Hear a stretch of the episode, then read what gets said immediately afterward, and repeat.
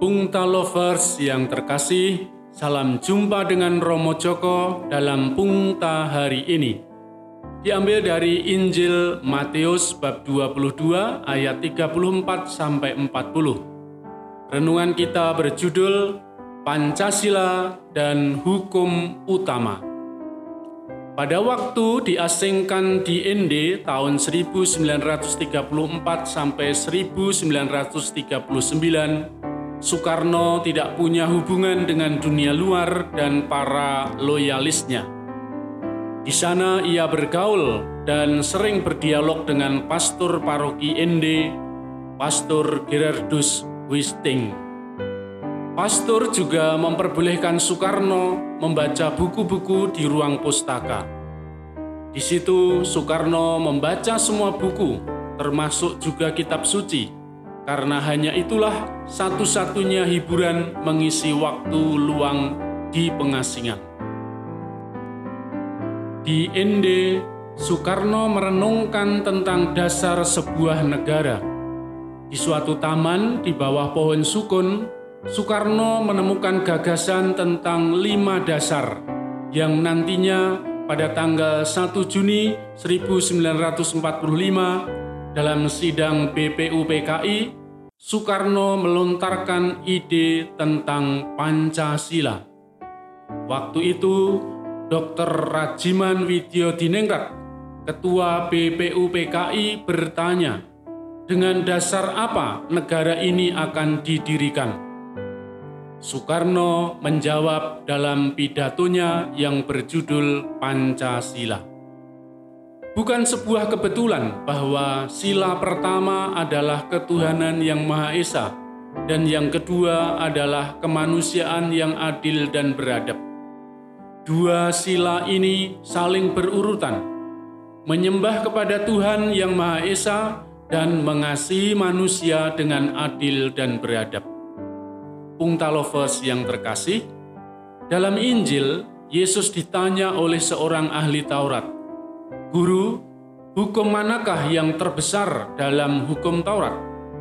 Yesus menjawab, Kasihlah Tuhan Allahmu dengan segenap hatimu, dengan segenap jiwamu, dan dengan segenap akal budimu.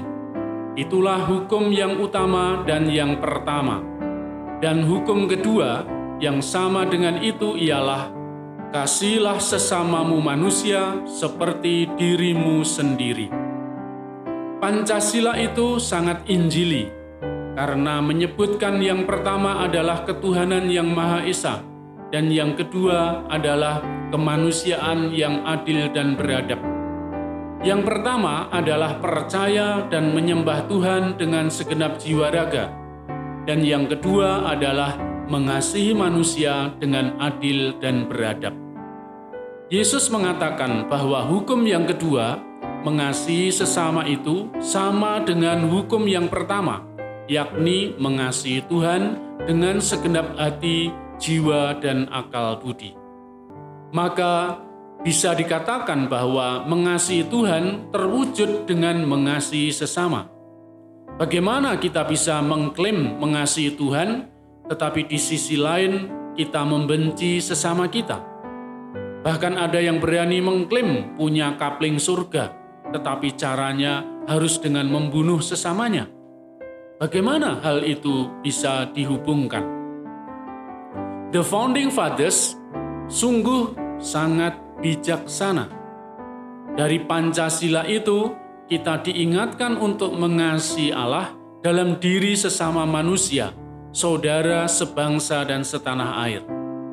Kasih kepada manusia adalah wujud dari kasih kepada Allah. Bagaimana kita bisa mengasihi Allah yang tidak kelihatan kalau kita tidak bisa mengasihi manusia sesama kita yang kelihatan? Amal perbuatan kita di dunia akan menentukan surga kita di akhirat nanti. Cinta kita kepada manusia akan menentukan kualitas cinta kita kepada Allah.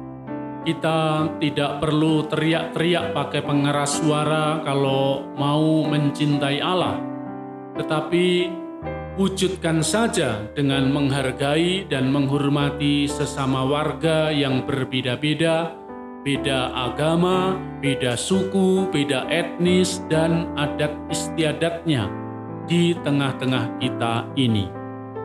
Sudahkah kita mengasihi sesama, khususnya mereka yang berbeda, mereka yang miskin, mereka yang menderita, mereka yang tersingkir dan tak berdaya? Mari kita wujudkan mencintai Allah dengan mencintai sesama. Agustusan biasanya banyak lomba, kini sepi karena masih ada corona. Kita amalkan dan hayati Pancasila dengan menghargai sesama warga yang berbeda-beda. Sekian, salam sehat, dan jangan lupa bahagia. Berkah dalam.